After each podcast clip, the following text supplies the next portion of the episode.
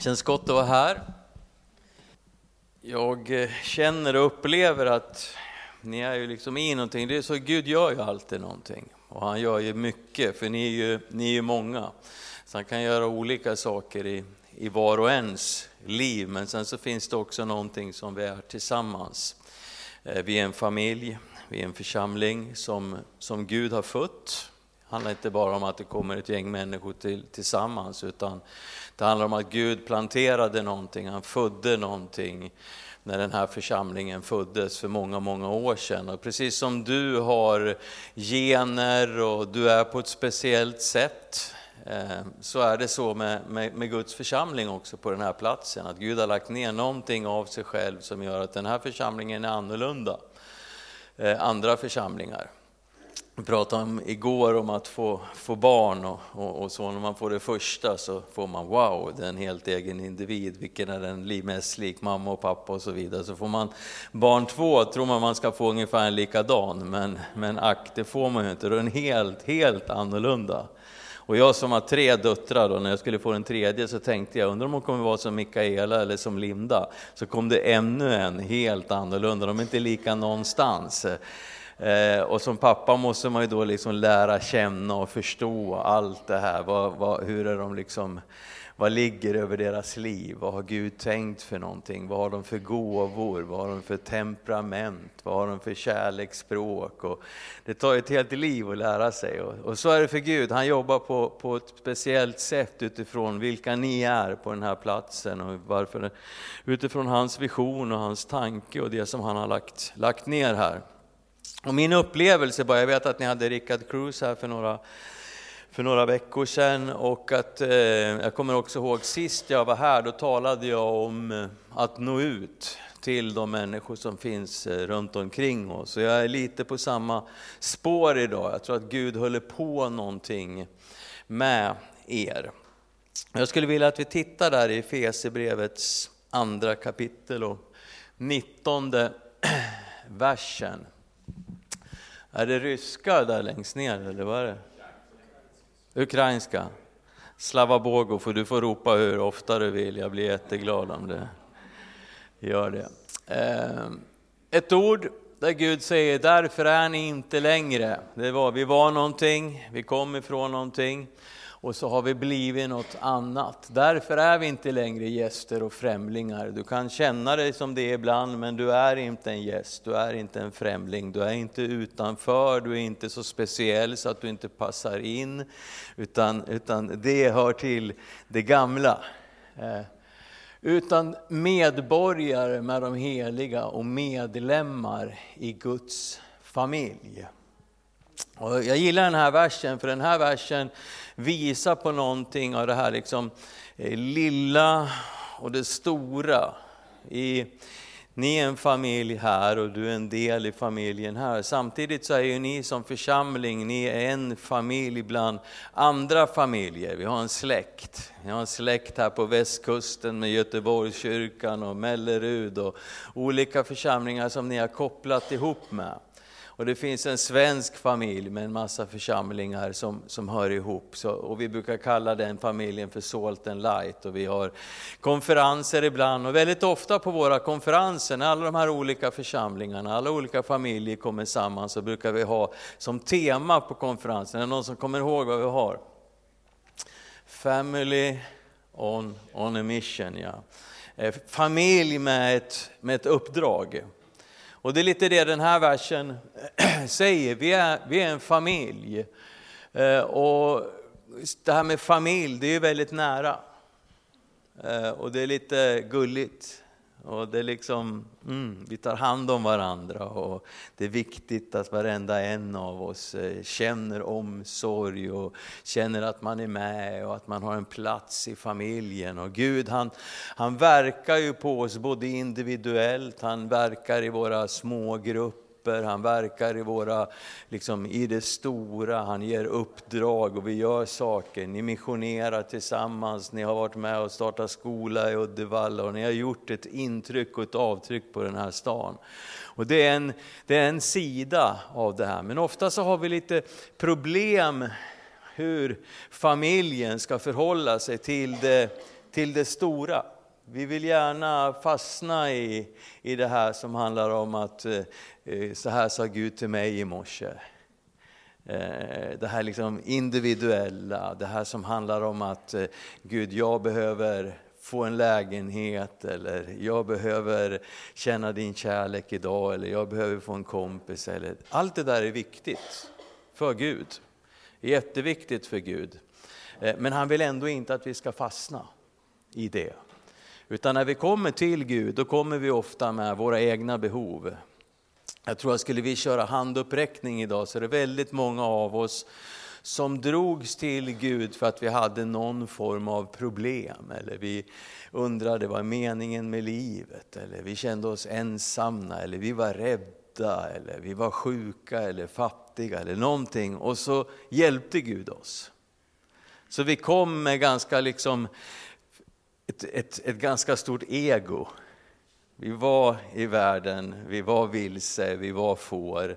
Gud tog oss till sig och han, han kramade oss, han hjälpte oss. Vi kanske blev fria från missbruk, vi blev fria från någonting som vi satt fast i och så vidare. Så vi kommer med ganska egocentriska motiv, ett litet motiv.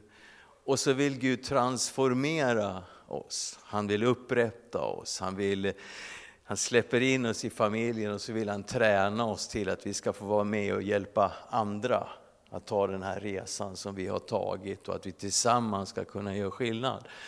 Och för det står ju inte, vi är inte bara en Guds familj, det står, vad står det där? Vi är också, ni är inte längre gäster och främlingar utan, vad står det? Medborgare. Medborgare, ja. Är det, är det att vi är svenska medborgare? Nej, de har ju samma bibel i Ukraina och i Kina och vart vi än åker. Så vart är vi medborgare? I Guds rike, ja. Eh, och det där har vi ofta ganska svårt med. Nej, säger du, jag ber ofta och är glad över att jag är i Guds rike. Men jag tror att om vi skulle börja titta på vad det är för lagar och regler som gäller i den nationen, vilka krav har vi för att kunna lösa ut de rättigheter som finns i det riket och så vidare. Då är vi ganska ofta ute på, på hal is. För ofta så fastnar vi i att vara familj, vi fastnar i det här lilla och nära och individuella. Det är jag och Jesus mot hela världen och när han liksom försöker koppla ihop mig med andra så, så är det inte alltid så lätt för oss. När Jesus rör sig på den här jorden, vi ska titta mycket på Jesus idag, så, så spänner ju han här emellan. Så det är absolut inte det ena mot det andra, utan det ena är en förutsättning för det andra. Han behövde nå dig på ett individuellt plan, han behövde ge sin heliga Ande till dig. Han behövde fylla dig med sitt liv för att du skulle kunna få betyda någonting för det stora och göra en skillnad i den här världen. Så att hans inflytande, hans påverkan på vårt samhälle skulle bli större. Men om vi tappar det målet, att huvudmålet varför vi är på den här jorden, det är för att Gud han ville ha en koloni av himmelen. Han är inte lycklig idag när han tittar på jorden. Han, han störs över att det är en massa fel. Han vet att det här kunde jag fixa hur lätt som helst, bara de skulle vilja göra som jag säger. Och så har han satt oss till att vara med, att öka hans inflytande på jorden. Och Jesus när han kom, så jag gillar när, när Petrus säger i Apostlagärningarna 10.38, han liksom summerar lite grann av vad, vad Jesus hade gjort här på jorden. Jesus som vårt största exempel. Det står att Gud smorde Jesus från Nasaret med den helige ande och kraft och han gick omkring och gjorde gott och botade alla som var i djävulens våld, för Gud var med honom. Och visst gillar vi det här. Visst gillar vi när människor blir helade, visst gillar vi att eh, liksom, eh, kämpa för att människor ska bli botade där, där vi är. Vi tycker om det. Eh, och det är likadant där, ibland så fastnar vi där. Jag möter många människor som är så bekymrade för att de inte ser under och tecken på jobbet. Och så tänker jag, när jag frågar dem sen, mm, men om det händer under och tecken då, vad ska, det, vad ska det leda till? Ja, det hade de inte riktigt tänkt på. Eventuellt kanske att någon kan bli frälst och komma med mig till kyrkan. Och jag tror att när vi tänker så, det är jättebra att bli frälst och gå med till kyrkan, det är fantastiskt, det är bra. Men det är inte slutmålet. Så att det är liksom inte syftet, om vi missar syftet, om vi missar målet, där ordet synd som vi inte tycker om i Sverige, vi gillar ju inte ordet synd, utan vi har ju problem. Vi, vi har inte synd i våra liv. Vi kan ha ett och annat problem, men, men inte synd. Eller hur? Men definitionen på synd är att missa målet. Och ibland tror jag att vi kan göra dem så mycket bra saker, vi kan vilja så mycket gott, men vi kan ändå missa målet. För Jesus är ganska tydlig i Lukas kapitel 4, vers 43 när han säger till dem, jag måste förkunna evangeliet om Guds rike för de andra städerna också. Det är därför som jag är utsänd. Huvudsyftet var inte att bota sjuka, huvudsyftet var inte att hjälpa de fattiga, huvudsyftet var att Guds rike skulle bli etablerat på jorden. Att Jesus skulle få mer och mer inflytande här. Och det är därför som vi behöver ha en balans mellan det lilla, det individuella, när vi ber för människor och så vidare. Vi måste ha en balans mellan det och det stora där vi sträcker oss efter att Kristi kropp ska få en påverkan, att Jesus ska bli synliggjord, att han ska bli efterföljd i Uddevalla, i politiken. Jag blir så upprörd över att en som Putin sitter vid makten i Ryssland. Jag menar, det, väckelsen började för 20-30 år sedan i, i Ryssland. Vi borde ha kunnat få fram bättre politiker i Ryssland. Men jag tror att de flesta kyrkorna har inte ens tänkt en tanke på att man ska skola fram politiker. Utan man har tänkt på vilken lovsång man ska ha på söndagen. Och jag älskar lovsång, men ibland har vi så svårt att sträcka oss över det lilla och det stora så vi missar målet. Och så blir det inte som, som Gud vill.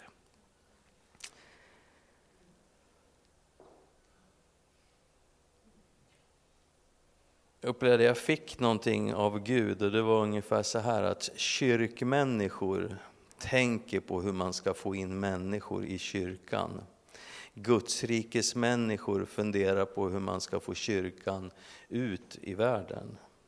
Kyrkmänniskor oroar sig för att världen kan förändra kyrkan. Gudsrikes människor arbetar för att kyrkan ska förändra världen. Jag brukar mäta mig mot det här ibland och se vad, är, vad finns jag på skalan? Har, har jag balansen i mitt liv att jag både månar om det lilla, jag månar om familjen, men månar jag också om uppdraget, månar jag om det, det stora. En bra spegel.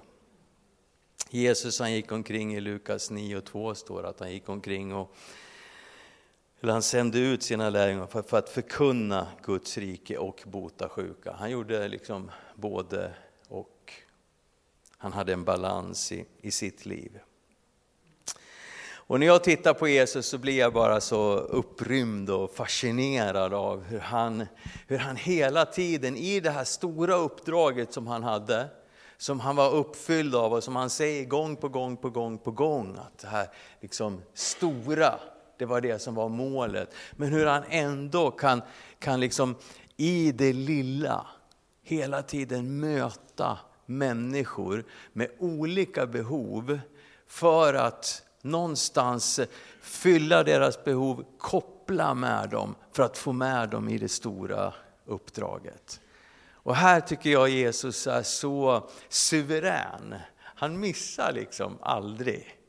Han kommer aldrig till någon som har ett eh, trasigt knä och så börjar han att kasta ut demoner eller, eller liksom hälla pengar över dem eller, eller något. Nej, han, han träffar alltid rätt. Jag tänker vi ska titta lite på det idag. Det bara får vara en uppmuntran för oss att bli mer lyhörda för Gud så att vi kan få vara med och se människor bli transformerade. Från att ha behov, från att vara liksom behovssökande till att bli Guds rikes medborgare som är med oss och vinner den här staden. Att få den här staden att likna mer det Gud vill att den ska, ska lika. Är, är ni med mig på det? Jag tänker ett sånt här fantastiskt tillfälle, det, det är ju den här kvinnan med blödningar i Lukas 8, vers 43 till 48. Det är ju någonstans, eh, hon, hon liksom smyger sig fram till Jesus och liksom snickar loss ett, ett mirakel. Han är inte ens eh, med om det. Det tror jag kan hända oss också ibland. Gud bara undrar, ops, vad hände där? Och så är det någon av oss som är glada för vi har liksom varit där och ryckt lite i, i hörntofsen. Det står så här, där, det fanns en kvinna som hade haft blödningar i 12 år och inte hade kunnat bli botad av någon. Hon kom bakifrån och rörde vid hörntofsen på hans mantel och genast stannade hennes blödningar. Jesus frågade, Whoops, vem var det som rörde vid mig? Alla nekade och Petrus sa, Mästare, hela folkskaran trycker och tränger sig in på dig. Men Jesus sa, någon rörde vid mig. Jag kände att kraft gick ut från mig. När kvinnan insåg att hon var upptäckt kom hon darrande fram och föll ner inför honom. Och hon förklarade inför allt folket varför hon hade rört vid honom och, och hur hon genast hade blivit botad. Jesus sa till henne, min dotter, din tro har frälst dig, gå i frid. Alltså Jesus han blir liksom snuvad på, på kraft där. Någon, någon, det här ingick inte i hans plan för dagen. Han hade ju säkert en plan, vad han hade tänkt göra.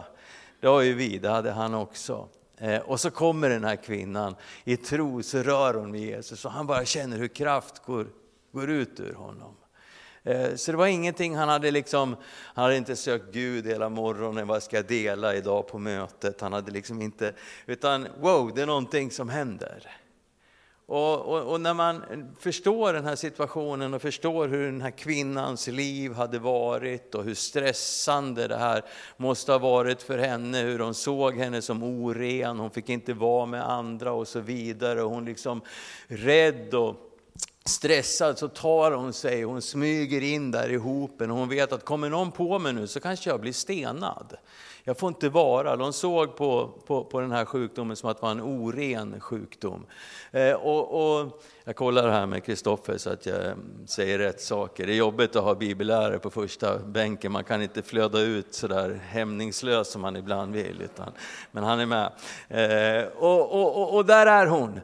Och så går kraften ut och Jesus han är så medveten om att Ja, helandet, han tror, jag menar, de var två om helandet. Man kan inte säga att Jesus gav, men, men, men han gjorde ju det. Men hon, hon, var ju med och drog också. Men han ger inte bara ett helande, utan han ger också frid till en kvinna vars största problem troligtvis var att hon hade ofrid, att hon var stressad, att hon var pressad, att hon var rädd. Så ge Jesus frid. Och det här, så här är våran mästare. Så här är han när du kommer till jobbet, så är han där. Han vet precis alla dina arbetskamrater, han vet precis vad de är i behov av. Och inte bara det, han har det som behövs för att fylla deras hål, deras tomrum, det som är behovet i deras liv. Men han gör det inte först, han gör det såklart för att han älskar. Och det har vi pratat så jättemycket om, att Jesus älskar alla. Jag menar, det första man lärde sig i söndagsskolan, Jesus älskar alla barnen. Det är vi liksom indoktrinerade med det. Men Jesus han älskar, men han har också ett syfte med sin kärlek. Det finns, en, det finns ett flöde, det finns en, en linje, det finns någonting för oss att komma in i linje med. Det är det Bibeln talar om när vi ska söka hans rike och hans rättfärdighet, att komma i linje med Gud. Och Det här är någonting som vi behöver vakna och förstå, att där du går omkring på dagarna, där har Jesus full koll. Han vet precis. Han har knapparna, han har nycklarna, han har miraklerna, han har den här friden, han har allt vad som kan behövas för att människor ska bli kopplade med honom. Är ni med mig? Vi tittar på någon annan. Vi kan kolla, vi går lite vidare till Lukas evangeliet 19 kapitlet. Vi går bara några kapitel framåt där. Då träffar vi Sackeus, skattskrivare. Hur många tycker om skattmasen här? Visst är det när man får det här härliga, liksom, härliga kärleksbrevet från Skatteverket om fordonsskatten eller någonting annat. Nej, vi gillar inte det va? Inte sådär hemskt mycket i alla fall. Det känns ju bra att göra rätt för sig. Men, men om de inte riktigt tycker som vi, då blir det ju jobbigt. Om jag tycker att jag ska betala så här mycket skatt och så tycker de att nej men du ska betala så här mycket istället. Inte så jobbigt. Men ofta som i Sverige så är de ändå liksom, de är ganska rätt. Men här har vi en kille som hade utnyttjat sin position. Här har vi en kille som hade tagit för mycket skatt. Nej, det gillar vi inte. Nej, så här har vi en kille som inte är speciellt omtyckt. Dessutom så vet vi att Sackeus, han var väldigt kort. Har du varit kort någon gång? Är det någon som var kortast i klassen någon tid i skolan? Jag var med om det när jag var typ eh, 12 år. Jag och min bästa kompis, han, han hade sena blod. När han var, blev 12 då blev, han växte, han fick hår, alltså han var hårig på bröstet, han fick mustasch och så här. Och jag, jag liksom, jag, jag, för mig kändes det som puberteten var liksom jättelångt borta. Så jag var så här smal, eh, inte ett fjun i hela ansiktet, han var så här stor. Eh, jättejobbigt. Jag kände verkligen hur jag behövde hävda mig inför honom. Jag tränade karate på kvällarna så jag kunde spöa honom när vi, när vi slogs. Jag tog till alla tjuvknep för att liksom hävda mig så att han inte skulle bara kunna handskas med mig hur som, hur som helst. Och jag lyckades på något sätt genom att vara kaxig och dryg och jobbig att hålla honom på mattan. Det här var säkert samma sak för Sackeus. Varför, varför tog han pengar av folk? Varför ville han ha de häftigaste grejerna? Varför hade han det här stora huset som folk irriterade sig på och så vidare. Ja, men han var en kille, han hävdade sig. Han behövde hävda sig. Han var liksom, var ingen som gillade honom. Och så möter han Jesus. Kan man tänka här, kunde väl Jesus göra samma sak som han gjorde med kvinnan med blodgång? Nej, men han gör inte det. När Jesus kom till stället där Sackeus var, står det, så såg han upp och sa till honom, Sackeus skynda dig ner, för idag måste jag gästa ditt hem. Sackeus skyndade sig ner och tog emot honom med glädje. Alla som såg det mumlade förargat, han tog in hos en syndare. Men Sackeus stod där och sa till Herren, hälften av vad jag har, Herre, det ger jag till de fattiga. Och jag har lurat någon på något så betalar jag fyrdubbelt igen. Och Jesus sa till honom, idag har frälsningen kommit till det här huset. För också han är en Abrahams son. Människosonen har kommit för att söka upp och frälsa det som var förlorat. Här var det inte helande, utan här var det ett inkluderande. Han inkluderar Sackeus. Han ger honom vänskap. Det är ganska schysst att veta om det, att alla på ditt jobb behöver inte ha helande mirakler. Vi kan ju ibland låsa oss vid det, eller hur? Oftast när man ska se ett helande mirakel så behövs det ju lite olika ingredienser. Jag brukar, för mig brukar det vara att jag liksom, man måste ställa till med någonting och man måste föda tro och man måste liksom anstränga sig på olika sätt. Eller åtminstone liksom, lägga handen på någon och säga var hel. Det här kan ju vara lite svårt i vissa miljöer. Men att inkludera och ge, ge vänskap, det är, det är ganska enkelt. Eller hur? Ja. Så tänk vad viktigt att vi som Jesus är lyhörda för att se, vad är nyckeln här? I Sackeus var inte ett helande under, utan här var det att bli inkluderad, bli en i gänget. Det är rätt så kul. Jag har en granne som jag höll på med i nio år innan han blev frälst. Jag kan säga att jag har kört alla modeller. Jag har testat allting. Allting alltså. Han har fått sett kraftgärningar flera gånger, han har blivit helad flera gånger. Det har inte funkat på honom överhuvudtaget. En gång så sa jag till Gud, så han hade en jätte, han hade en 45 fots eh, motorbåt med dubbla motorer. Och när han hade köpt den så hade den där båten legat i vatten i typ fem år. Och så var jättestora propellrar som inte gick att få bort. Så han hade haft en firma där som skulle försöka få bort firman. De hade jobbat en hel dag vilket kostade honom någonstans 8000 kronor och de hade misslyckats. Och jag sa, Kenneth, bara för att bevisa för dig att min Gud existerar, så ska jag ta bort de här propellrarna på en kvart. Ja, men det var lite sådär Carmenberget och, och, och liksom så.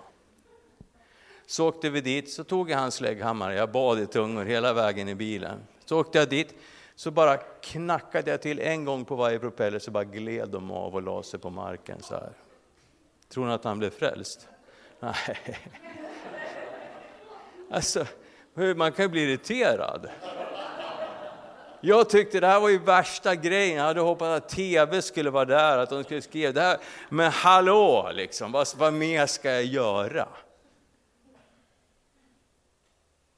Men det var inte nyckeln in, in, in, i hans liv, det var liksom inte det. Så att vara lyhörd, Jesus han är så duktig på att veta vad, vilka nycklar är det? Vad är det som behövs här för att jag ska kunna kroka den här personen? För den här personen ska komma in i min kärlek, få kontakt med mig och kunna bli en i mitt gäng.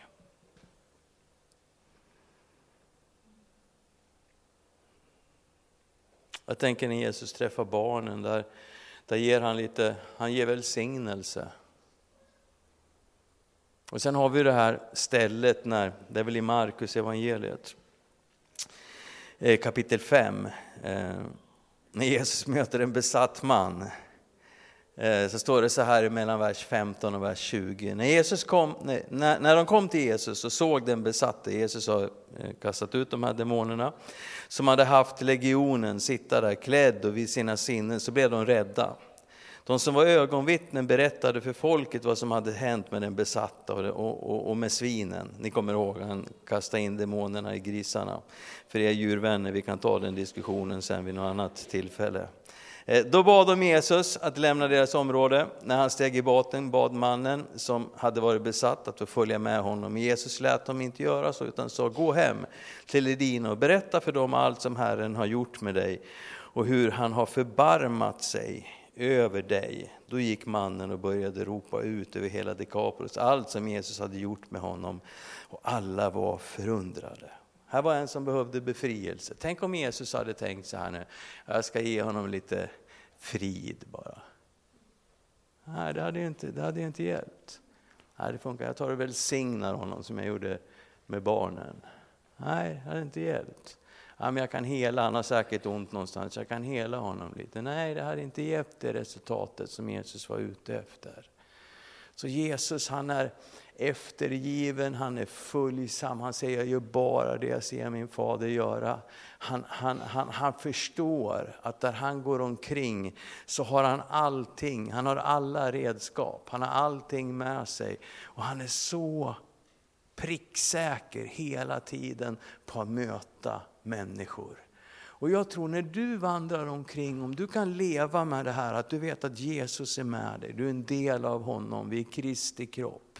Och precis som han kunde träffa så här rätt i olika människor, att vi är öppna för vad är det som behövs här? Ska jag bjuda hem den här personen på fika? Eller behöver jag driva ut onda andar? Eller ska jag säga till den här personen att jag har bett för dig i morse? Ge en välsignelse.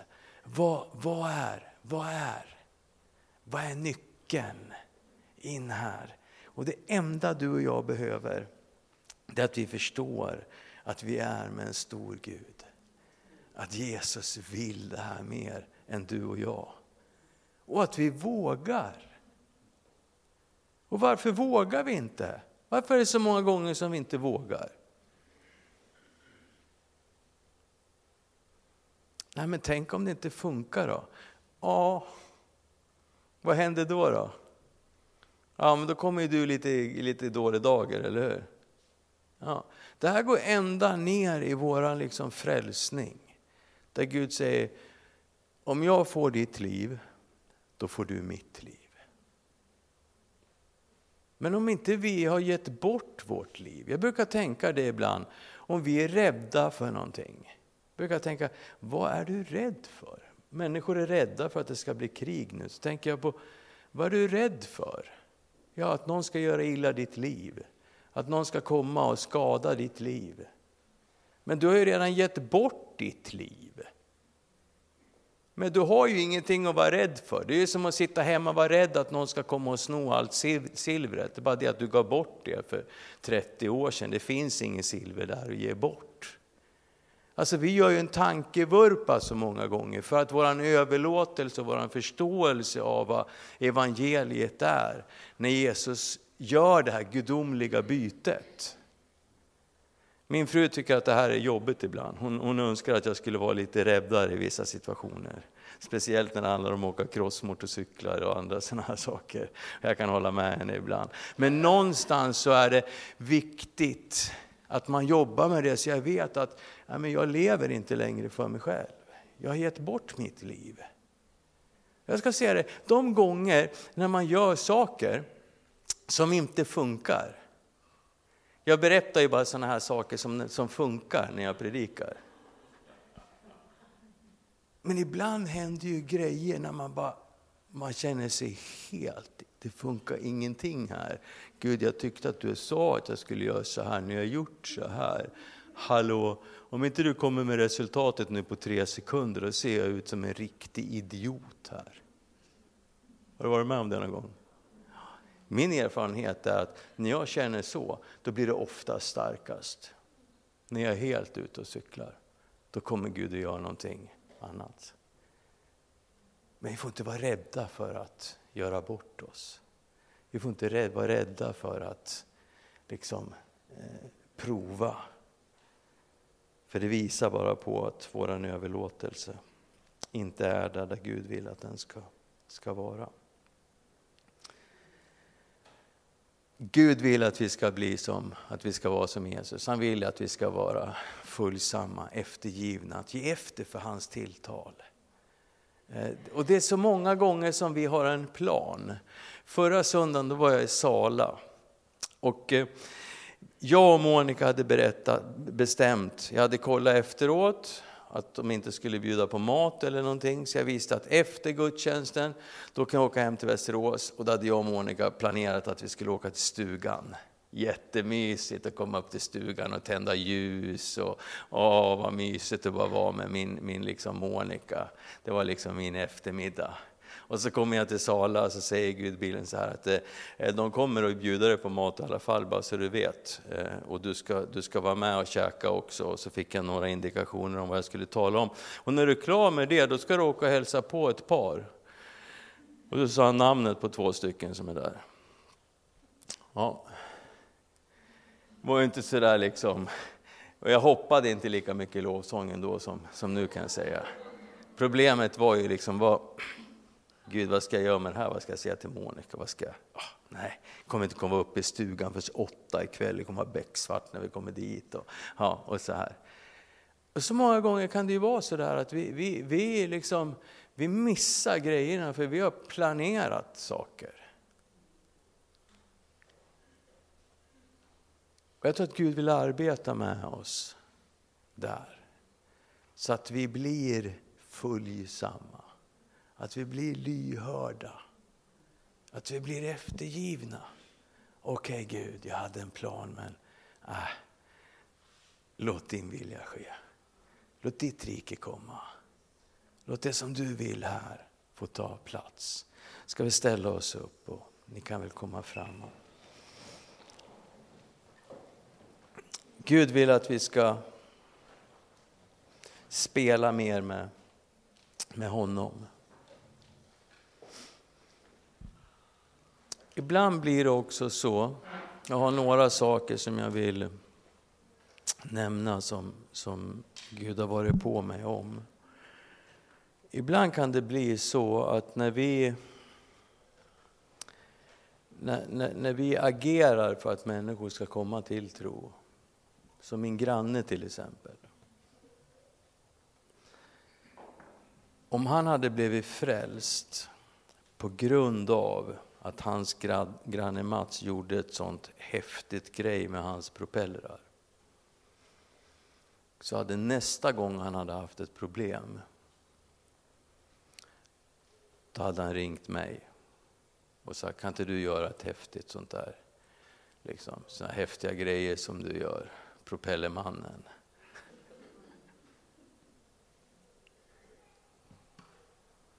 Gud har visat mig under de första 20 åren som, som kristen, så hade jag olika hemgrupper och grupper och människor kom till tro och så vidare. Men Gud har visat mig att jag blev alldeles för stor i de här människornas liv. Det finns de som har varit frälsta i 20 år idag och ska de ha, veta vad de ska göra på jobbet eller de ska köpa ett nytt hus eller någonting, då ringer de mig. Kan inte du fråga Gud om jag ska köpa det här huset eller inte? Ibland kan det kännas lite smickrande att de har ett förtroende för mig. Och jag vill ju gärna hjälpa.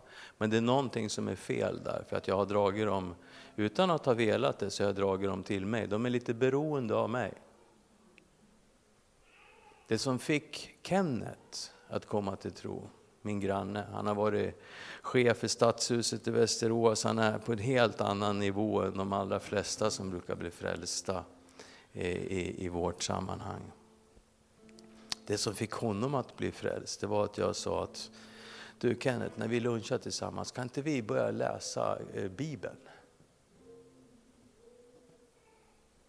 Och så läste vi en bibelvers och så snackade vi om den. Och så började han bli mer och mer intresserad av, av Bibeln. Det var vägen för honom. Inte alla miraklerna, inte helande underna han fick vara med om. Inte hjälpen han fick med sina barnbarn barn och grejer. Det har hänt så mycket. Men han blev kopplad till Guds ord. Och det här är någonting som vi behöver lära oss att använda Bibeln när människor kommer med ett behov. Jag var i en församling för några veckor sedan och det var en familj, det finns en stor flyktingförläggning där i församlingen. Och jag pratade med en familj från Ukraina. Eh, och jag kunde ju såklart förstå att som flyktingar så känner man sig ensam och man är orolig och så vidare. Så jag bara läste en vers om den helige Ande ifrån Johannes evangeliet. Att jag ska inte lämna er faderlösa, jag ska sända hjälparen den helige Ande och, och så vidare. Och så sa jag, vill, vill ni ta emot det här? Jag, jag var inte ens frälst, jag visste inte alls vad det var, men bara ett behov, gav dem en bibelvers, knöt dem till Bibeln. Ja, de ville ha det. Då sa jag, ska räkna till tre, sen kommer ni prata konstiga ord, så jag, för det händer när man blir, när man tar emot den helige Ande. Så jag sa, ni får inte prata svenska, ni får inte, de kunde ingen svenska, ni får inte prata ukrainska eller engelska. Så ett, två, tre, så, jag, så började de tala i tungor allihopa. Och var jätteglada. De visste de, de hade ingen aning om någonting. Jag var nästan lika förvånad som dem efteråt, utan att jag har gjort någonting, utan att jag haft någon mer kontakt, så tog de sig till en församling och nu tjänar de där hela tiden. De har inte ens ringt mig. De jag knöt dem till ordet, så de fortsatte att läsa sin, sin bibel. Varför säger jag det här?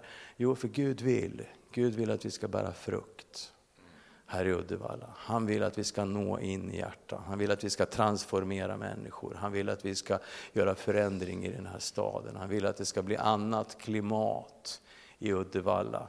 Och han vill att Jesus ska bli ärad för det som han gör. När jag förberedde mig i morse så såg jag en luftballong som, såg fast, som satt fast i marken. Och jag förstod direkt den bilden att det handlar om det här som står om i Hebreerbrevet.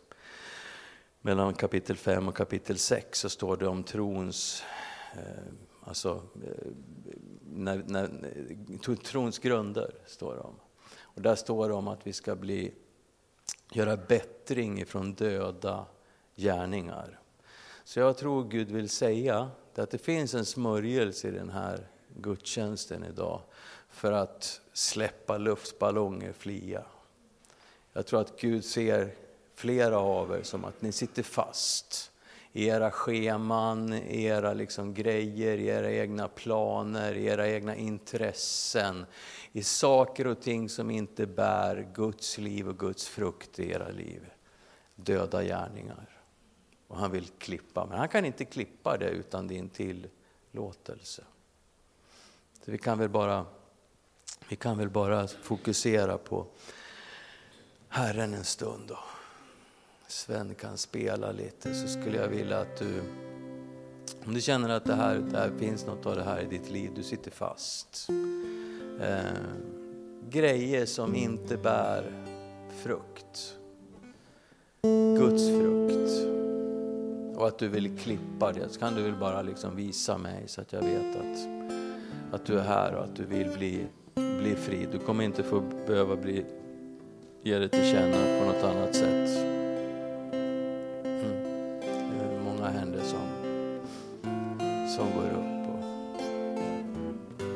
Och jag tror att vem vi än är så är det ingen av oss som bara bär god frukt utan det finns i allas våra liv och det kan vara en bön och be att Gud låt mig få se där det finns saker som håller mig tillbaka från att flyga, håller mig tillbaka för att fungera på det sätt som jag ska fungera. Jag tror det är Gud visar med den här bilden, en luftballong är, till för att den ska lyfta, den är inte till för att den ska vara bunden vid, vid marken. Och ibland så är det så att vi, vi missar liksom målen med våra liv att vi inte, vi inte förstår riktigt. Och så kan vi hålla på med saker som binder oss och som gör att eh, kraften, smörjelsen, förmågan inte blir, blir förlöst.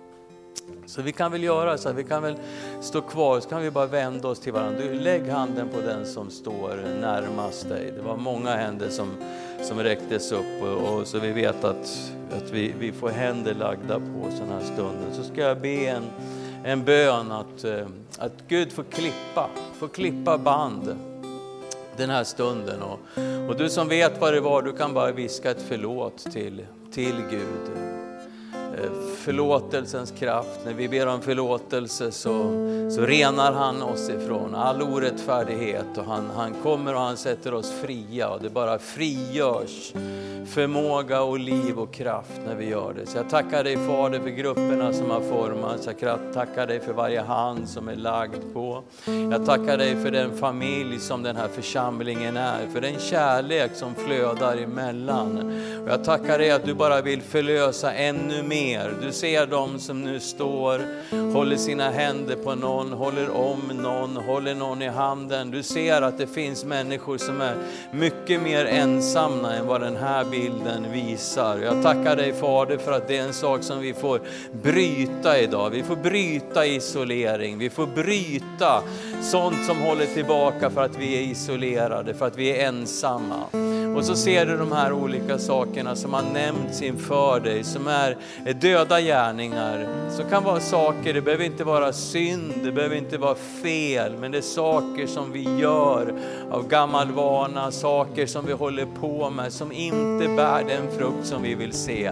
Jag tackar dig för att du med din ande av uppenbarelse kommer att levandegör det här. Du låter oss få en avsky till det som håller oss tillbaka och du ger oss en, en förmåga att gå vidare. Jag tackar dig Far för att du i Jesu namn klipper klipper de här banden just nu. Du klipper och du skapar en frihet. Du klipper av det som har suttit fast och du bara skapar frihet, skapar lust, skapar en vilja att ta sig loss och att flyga, att komma in i sin rätta potential, att få bära den frukt som du har skapat oss till att bära. Jag tackar dig Fader för en våg av din kärlekssmörjelse som bara sätter de fångna fria. Jag tackar dig för en våg av kreativitet. Jag tackar dig för en våg av profetisk smörjelse till att se sin situation och veta vad man ska göra. Och så ber vi Fader, vi ber enligt med de här orden som jag har sagt så många gånger idag, att, att få bli följsamma och eftergivna. Att ge efter för din vilja fast det inte passar in i våra planer. Att det inte passar in i våra planeringar eller att vi inte förstår eller vet varför. Vi vill be dig om förlåtelse för att vi så många gånger agerar som om vi vore våra egna.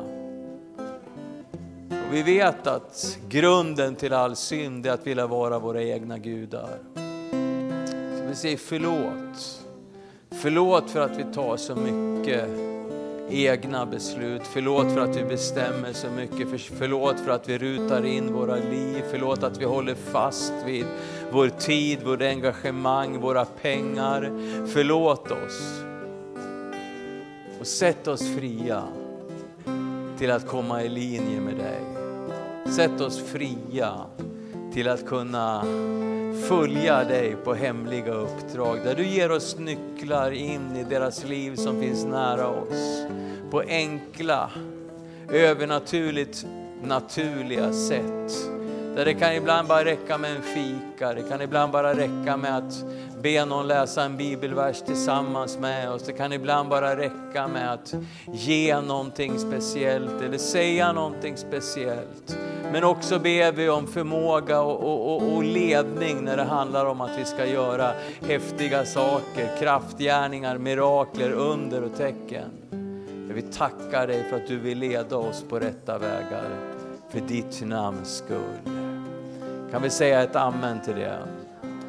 Om du är döpt i anden och talar tungor, så bara tala lite tungor där ni står. Bara dra ifrån ditt inre och bara förlös lite lite liv och lite kraft. Det står att när vi talar i tungor så uppbygger vi oss själva. Så det är inte något vi gör offentligt här så vi behöver inte förstå vad som sägs. Men vi, vi upplivar oss själva. Och jag ber Fader ur de här strömmarna av levande vatten som nu kommer upp ur människors inre. Och är du inte andedöpt så kan du bara säga Jesus, Jesus, Jesus. Jesus Så tackar jag dig för att det strömmar liv Fader. Jag tackar dig för att det kommer saker, bilder, tankar, människor, nära människor, släktingar, människor som vi inte har sett på flera år. Och att vi bara får, får se, du verkar just nu för att ge oss idéer och tankar på människor som vi ska kontakta, på sammanhang vi ska röra oss i, på platser du vill att vi ska beröra. Jag tackar dig för att du kan också ge mer specifikt, du kan ge ord, du kan ge gärningar, du kan ge idéer hur vi ska älska våran granne, du kan ge idéer hur vi ska komma in i samtal med olika personer. Jag tackar dig för att din förmåga Jesus, som vi har läst och vi har sett här idag, din pricksäkerhet, att vi får bli delaktiga av gudomlig natur, att vi får bli delaktiga av det som du bär på, att vi får bli sådana som du Jesus, att vi kan få se frukt komma till i våra liv. Jag tackar dig för att du bara förlöser av dig själv till gamla och till unga den här stunden Fader. I Jesu namn. Helige Ande rör dig, rör dig på insidan, rör dig på insidan, gammal och ung. Kom på ett naturligt, övernaturligt sätt bara och låt det komma i deras fantasivärld, låt det komma upp i deras sinnen, låt dem bli förvånade för att de tänker på någonting de inte har tänkt på tidigare. För du helige Ande, du bubblar upp som levande vatten, du låter källflödet öppnas. Jag talar till sånt som ligger i vägen för funktion och bara ge vika. I kraft av namnet Jesus, strömmar av levande vatten, ett nytt flöde i den här församlingen, i den här familjen. Ett nytt fokus, en ny tid profeterar jag. I ditt namn Jesus, vi tackar dig. Vi tackar dig för din nåd, vi tackar dig för din kärlek och vi tackar dig för att du verkar i oss var och en på det sätt som funkar i oss var och en. Tack att det får bli Gud, Gud alla vilka vi nu heter och vilka vi nu är, så får du ta mer och mer plats och mer och mer form i våra liv, Fader. Jag tackar och lovar dig och prisar dig och ärar dig. Ska vi lyfta våra händer upp inför honom och bara ge honom ära och tacka honom för vad han vill göra i ditt liv och så tar Sven med oss i, i en sång. Det känns bra att sjunga nu känner jag.